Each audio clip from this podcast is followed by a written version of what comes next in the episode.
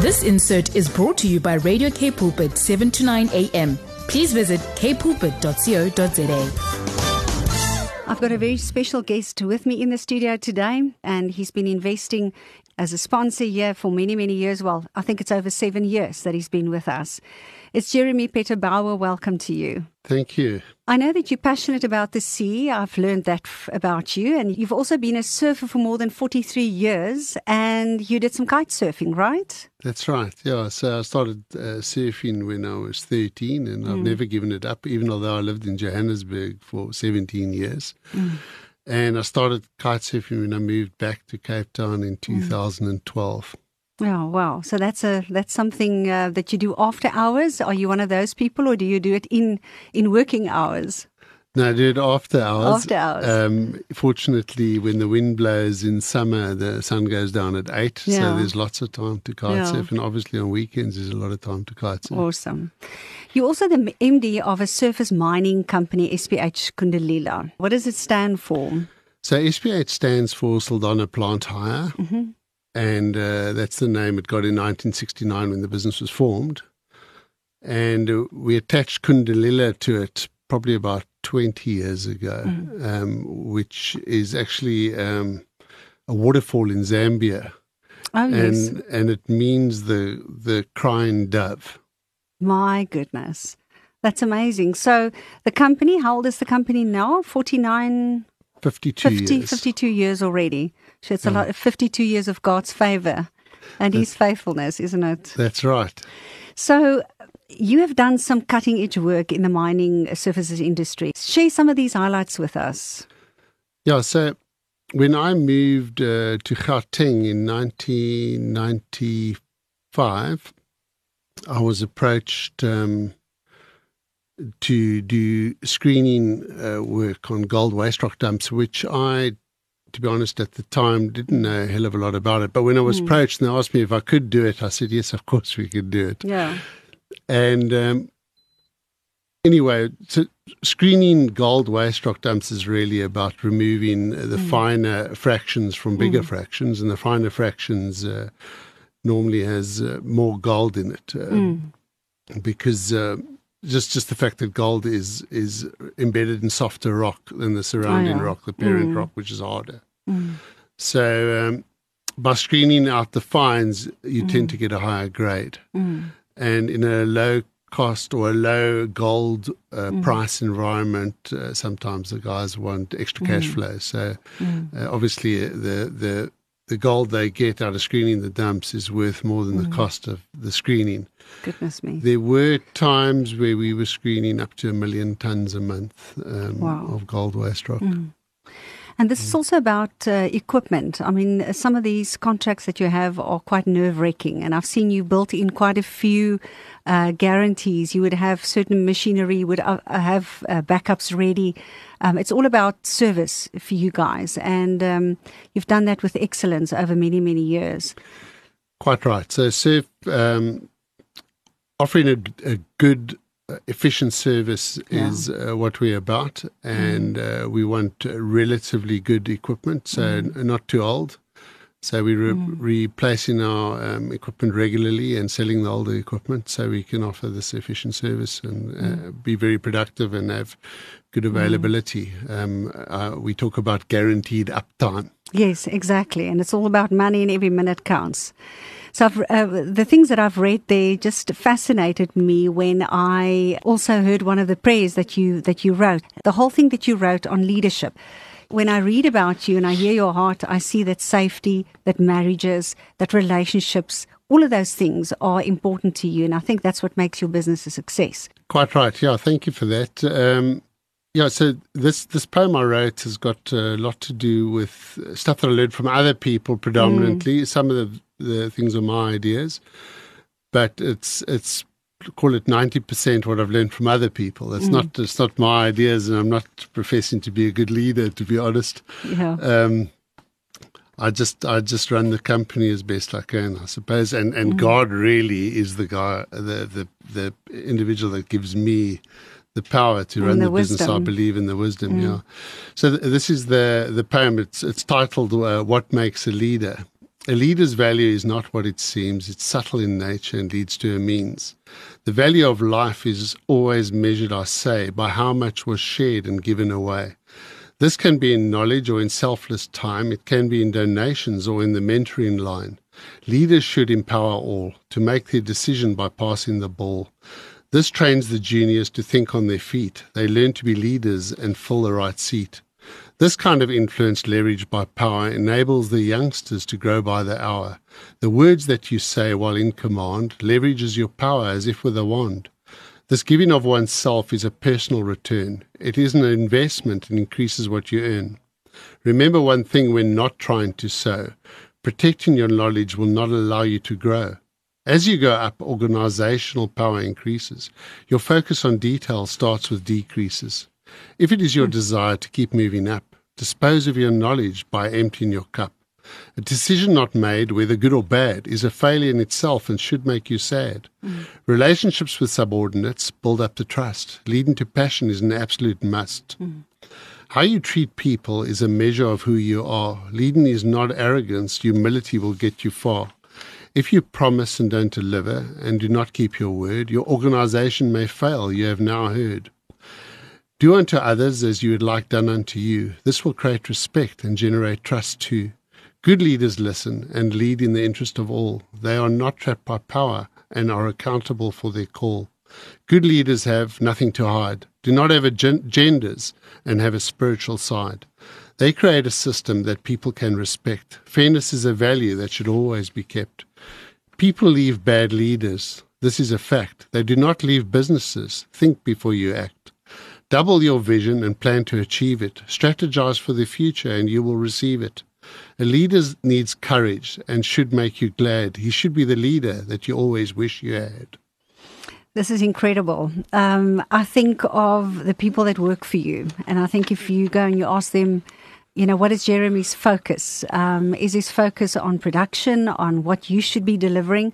It's a combination, really, of being a loyal worker, but also they learn from you what their priorities should be in what you expect of them. And then when I listen to what you've written here, this poem, it's incredible to hear relationship, um, giving away of what I have, not holding back on, on what I have, also keeping in mind that young people need to learn from you. Having said all of that, I know that marriages ma- uh, matter to you. And that's one of the things that are being challenged when it comes to business. Climbing the ladder, sometimes climbing away from your family and your marriage.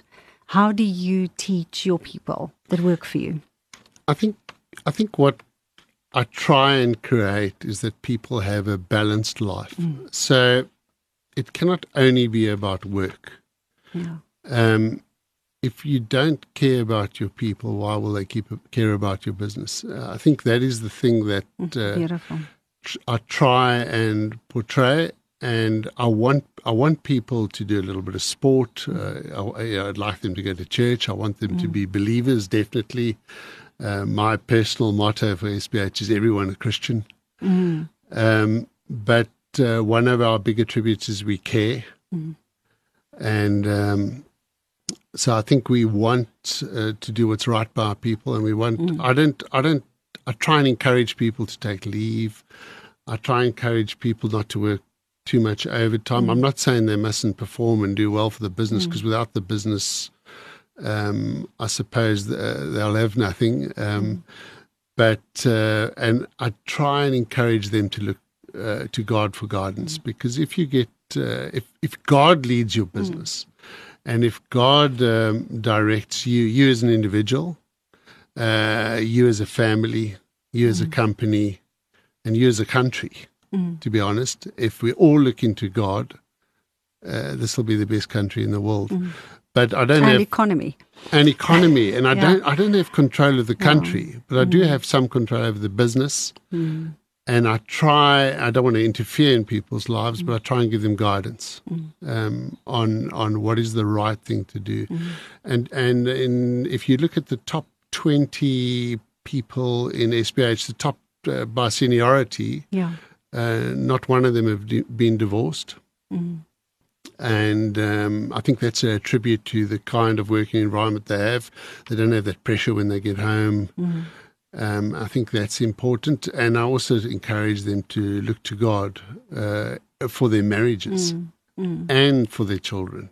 Mm-hmm. So, if you, as a whole family, look towards God and put Him first, uh, I think I mm. think those it repairs a lot of those things mm. that can go True. wrong. True, yeah, and especially if your your um, your MD understands the principles of of what the word says and how it needs to gel with what you do every day and with your family and business. Jeremy, I can't leave this question out. It's not part of the questions that I sent you, but I'd like to ask you this. Um, often in business, you would find that we are all Christians and we serve God diligently, and then the pressure of production, of the survival of a company. Um, I don't know if uh, SPH Kundalila has ever been there, but I think a lot of companies at the moment, it's not that they don't trust God, it's not that God is not in their business, but it's often difficult amidst all the pressure to really have the conduct of a child of God. Mm. Um, we're not in a perfect world, but you often find that we would pray in the morning as a business, but later in the day, we would tell people, you know, how we can get rid of this client and rather go for that better client, or we would have conflict in the business environment. And you find that people say, no, those Christians, you know, I, I used to serve God until I started praying with the Christians, and then it wasn't the same again. Do you often find that, and how do you deal with that? Yeah, so look, I, one thing I do not do is uh, profess to be perfect by any mm. means. Um, I, I, I'm, I'm fallible like like any of us. Uh, yeah. We we are first and foremost all sinners. Uh, we, we we are saved by grace. Yeah. Um, I am sure that there will be people working for us that might not be Christians, even mm. although I, as a business, uh, try and be a Christian business. Mm. But uh, I don't. It's not. It's not like uh, you're not going to work here if you're not a Christian. Yeah, yeah, yeah. Mm. Uh, but I do find that when people join us, mm. uh, some of them become Christians. Wonderful. Yeah. Mm. So we don't uh, we don't float on a cloud and walk on water by any means. Yeah. Um, people are still human. Mm-hmm. Um, but the fruits, the fruits mm. of the spirit are um, love, joy, peace, hope, uh, goodness. That's what drives uh, us, yeah. Kindness, yeah, and self control. Mm. And I believe if we are grounded in Christ, uh, they, that that will start showing mm. through. Mm. But um, yeah, I suppose uh, uh, the business also comes under attack, and individuals mm. come under attack. So they might sometimes behave in a manner that's not fitting of a Christian business, but uh, I think uh, what I try and uh, teach the people that work for me is that I believe. Yeah, I do believe, and mm. there's no doubt about mm. that. I believe, and I do believe God helps us. Mm. Um, but um, and and and we find a lot of our people have prayer meetings uh, all mm. over the country. Different mm. branches they have prayer meetings, and that's not and something you told them to do. It's something that they just felt this is this is what we need to do. Yeah, so some people yeah. had started those uh, prior to me. Started my own prayer meeting in, in, in in mm. Cape Town, mm. but um, yeah, I've I've been to site at five in the morning. The mm. guys are having a toolbox talk, and they Wonderful. are going to listen there, and they're mm. praying. And yeah. I think that's very powerful. Mm. Asking God to protect them yeah. on the shift, they don't get mm. injured, because obviously it's quite a dangerous business. Mm. Yeah. This is amazing. Um, you know, when you get to a point where people start following, but they follow you for the right reasons, that's amazing because you always see fruit in coming forth from all of that. You see a business growing because the focus is right. And I think this is something that SPH Kundalila got right. They, they got it right. When did you have your first encounter with God? Something specific happened that said, I'm sold out. Okay, so I I gave my life to the Lord in 1999. So I'd, mm. I'd been in Gauteng for four years then. Mm. Um, I'd moved up there. I wasn't Gauteng. I was living in Carltonville. Mm. And uh, oh, on the mining where all the mines are. On the mines. Oh, yeah. So you know Kloof Gold Mine. Of course, we, we, we still work on, yeah. on Kloof Gold mm. Mine right now. Mm. And um, yeah, so I, I, I, I obviously gave my Lord uh, my life to the Lord because uh, my brother had been radically saved, and he had asked me. Um, Jimmy, you're a Christian, Christian or you're a believer. Yeah. So I said, Yeah, I suppose I am. So I said, Well, what do you mean? He said, Well, do you believe that the Lord, uh, you know, is that God's your Lord, that Jesus is your Lord and Savior, and He died on the cross for your sins? I said, Yeah, I do believe that. And um, he said, "Well, then you saved." Anyway, so after that that verbal confirmation to Yeah. him, I actually went back to Carltonville. I had been looking for churches. I mm. couldn't initially find a church, and but he was going to a specific church in Cape Town, which was quite a radical church. So I mm. went to that specific church, and um, I told the pastor, "Look, I want to join your church." I went and knocked on his door on on uh, Monday morning, and he mm. said yeah, but why our church? And I said, oh, no, I sort of, I want to come to your church. So he says, look, okay, arrive here whenever, nine o'clock on Sunday, and let's see what happens, you know. Yeah. So I went there, and that day he was, uh, was actually his last service. So I went to see him in the week. I said, look here, man, I've just joined this church and you're leaving already. You said, no, there's a guy coming from Zimbabwe. Next week, there's another guy preaching here, a temporary guy, and Yeah. he's just from the church. And I was blown away by the guy. Yeah. And I went to that guy again and I said, Why don't you let him run the church? He's good. He said, No, but he's a businessman and he's not a pastor. He's a he's just he's just a leader here and he's he, he- yes, he preaches very Yeah. well. Yeah. So I said, um, okay. Anyway, the next Sunday I come to church, the third Sunday in a row I'm going to that church. And um, as I walk into the church, I say, God, why? Why are you changing these players all the time? And I mean, uh, you know, uh, if you're serious about your church, why don't you show me something exciting? So I sort of challenged him. No. And um, I didn't think anything of it. I had my three-year-old son in my arms. Uh, my my wife had our one-year-old daughter in her hands. We went and we sat down there, and this brand new pa- okay, the band played. This brand new pastor came, and he started preaching. He didn't know anyone in the church, but he was he preached for about five minutes, and then he stopped and he said, um, "I don't like doing this." And I thought, gee, have I now done something on my way in here? I've now. So he, he he started walking around the church. So he went to the back to a lady in the back, and he said, "Look here, man, have you you've you've been struggling with this and this, and don't worry, it's going to come right." And uh, went somewhere else in the church, said something to someone. He went, someone went past me, went to someone at the back of the church and said, "You're a, a, a drug addict, and you're struggling with this and that, and." Um, but don't worry, you're going to come right.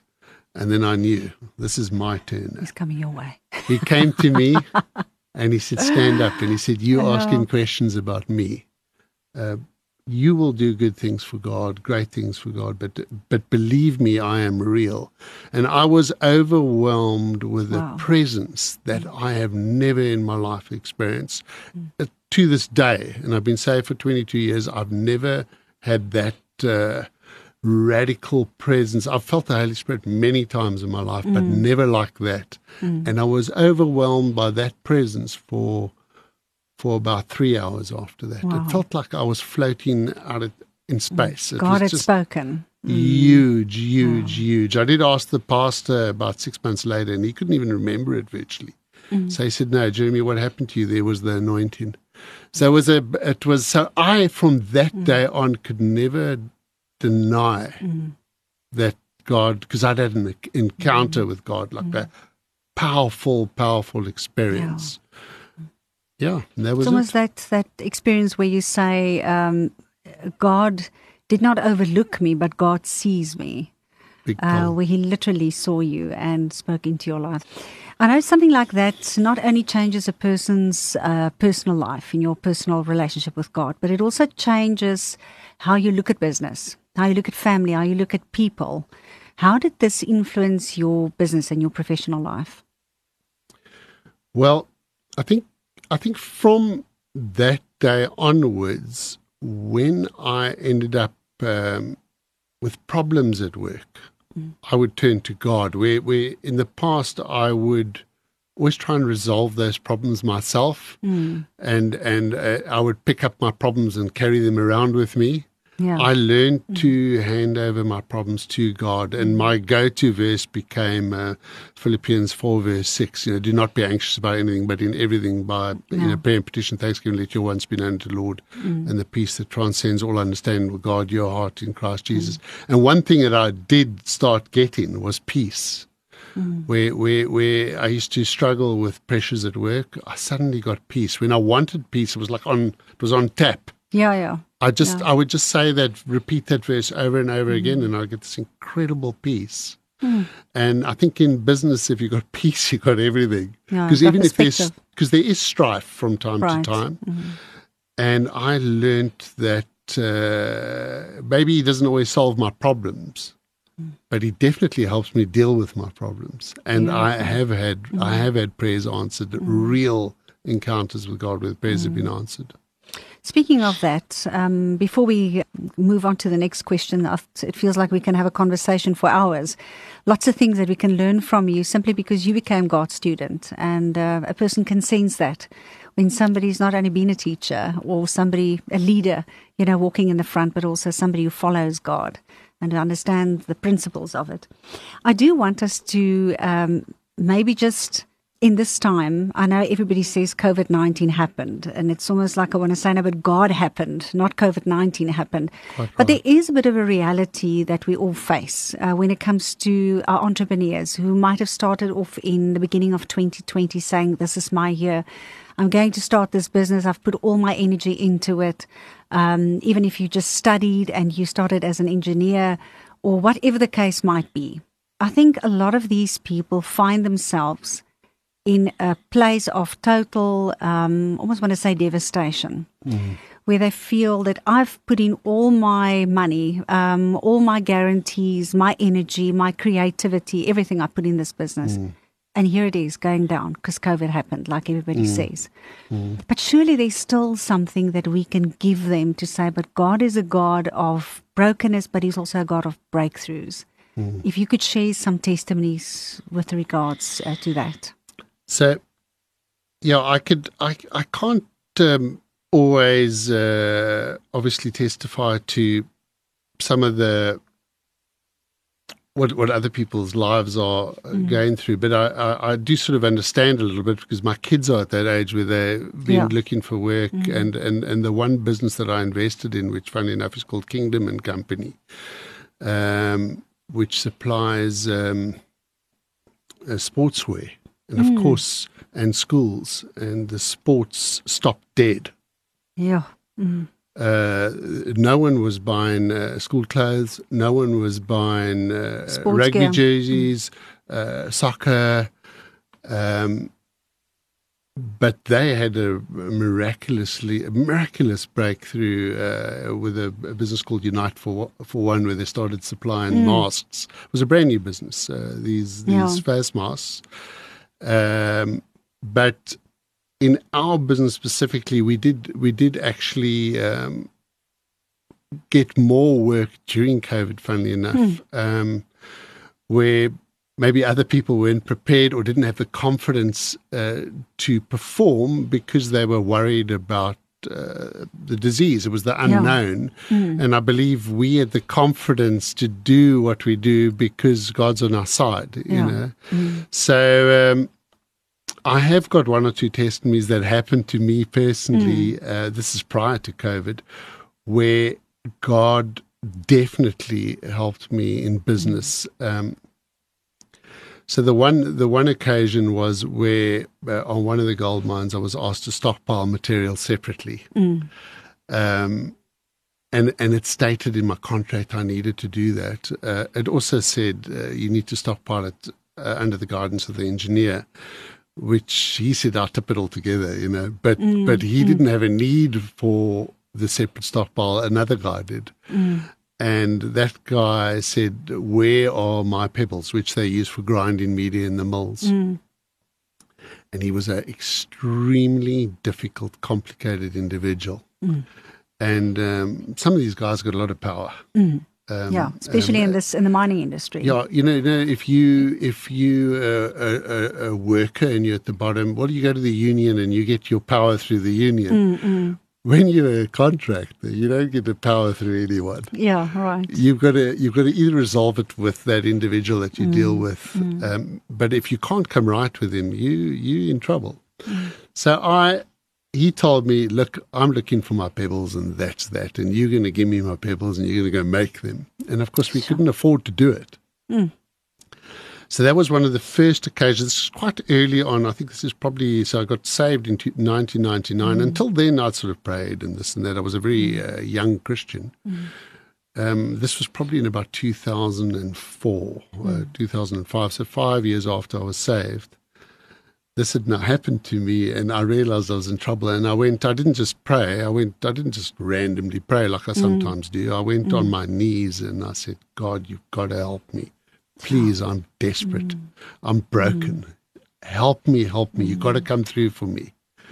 And I left it like that, and um, peace. the ne- surrender, got peace. Yeah, it's cool. I'm, I'm, I'm yeah. I've got it covered, and uh, God's got this, not me. Mm. And um, gee, the next day my receptionist said, "This guy's been phoning you four or five times today," mm. and I said, "Wow, that's radical. Okay, let me phone him."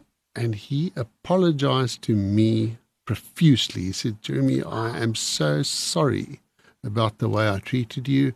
I'm mm. sorry I shouted at you. I'm sorry that I accused you of doing something wrong.